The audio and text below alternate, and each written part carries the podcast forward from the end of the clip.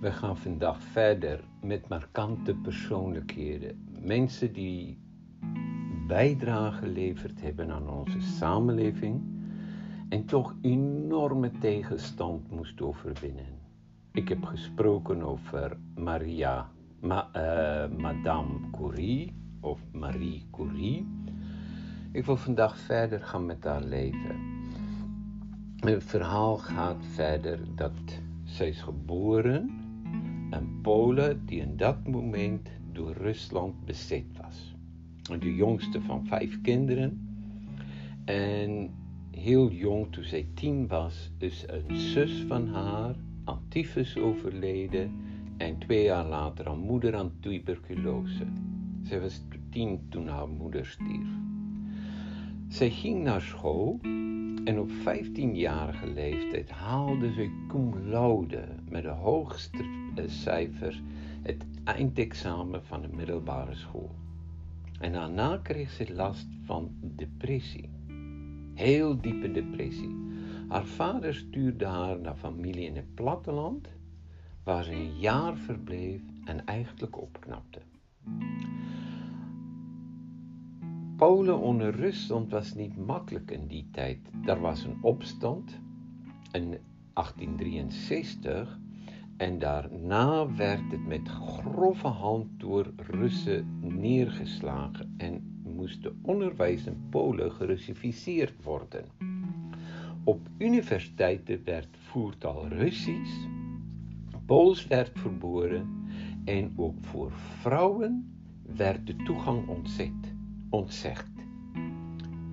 Hierdoor kon Maria Skodowska, zo heette Marie Curie, niet toegelaten worden tot de Universiteit van Warschau van toen.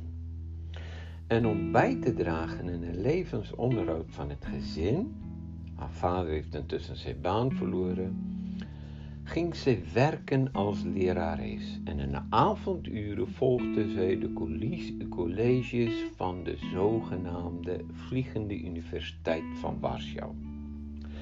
Een clandestine groep die in het geheim Poolse vrouwen onderwijs geven omdat het onder de Russische bezetting niet kon. Zojuist op heel jonge leeftijd om te studeren moest een enorme drempel ook overwinnen. Haar oudere zus, Bronia, vertrok naar Parijs en zij en Marie sloot een contract. Zij zou medicijnen studeren in Parijs en Maria zou werken als lerares en verdienen en helpen om de onderhoud van een zus in Frankrijk te betalen. En wanneer haar zus eenmaal arts zou zijn, zouden ze de rollen omkeren. Zo ging Maria op haar beurt ook werken bij een hele rijke familie. En de oudste zoon werd verliefd op haar.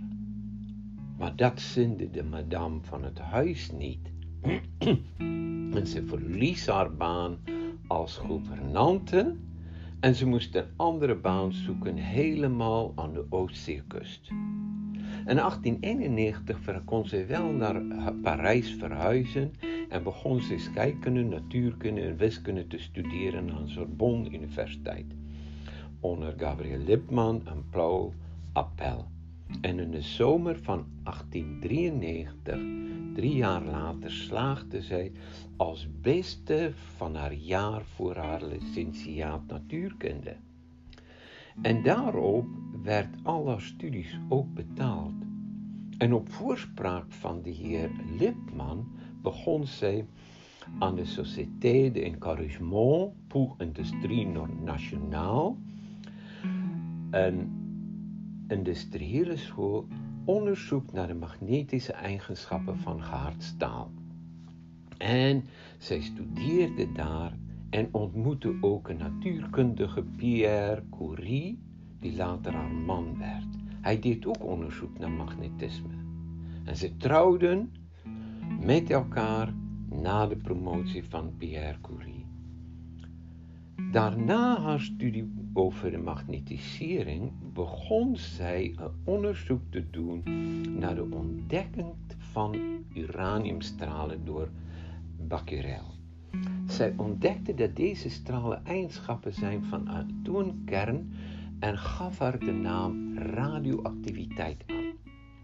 In 1903 verdedigde zij bij Sorbonne proefschrift over de substantie van radioactiviteit. De eerste proefschrift in natuurkunde geschreven door een vrouw.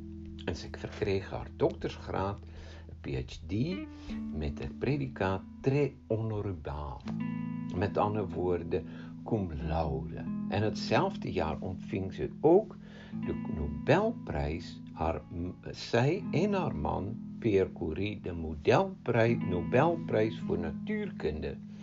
Voor een onderzoek naar de stralingsfenomeen die ontdekt is door Henri Becquerel. De stralingsniveau. Uh, dingen bij radioactiviteit materiaal. En zij wordt benoemd als hoofd van het natuurkundige laboratorium van de Sorbonne. Wat een verandering in de wereld. Een meisje die niet toegelaten werd op haar vijftiende om te studeren aan de universiteit vanwege het feit dat ze vrouw was. En toen de als eerste vrouw slaagde met cum laude aan de Universiteit in Sorbonne.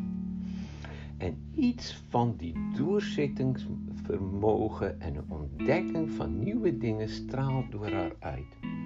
Zij zegt ook: Wij letten nooit op wat er gedaan is, wij zien alleen maar uit nog wat moet gebeuren. Zij zegt: Een wetenschapper in zijn laboratorium is niet alleen maar een technicus. Zo'n persoon moet de houding hebben van een kind dat geconfronteerd wordt door natuurverschijnselen en dat niet zoveel op indruk op hem maakt als de sprookjes. En die houding om alles te benaderen als een grote sprookje met verbazing was haar houding. Zij zegt: wees minder nieuwsgierig naar mensen, maar meer nieuwsgierig naar ideeën. Ze zegt, nothing in life is to be feared. It is only to be understood. Now is the time to understand more that, so that we may fear less. Of in het Nederlands, niets in het leven hoeft gevreesd te worden. Het is nu de tijd om meer te begrijpen en te verstaan, zodat wij minder hoeven te vrezen. Marie Madame Curie. Tot morgen.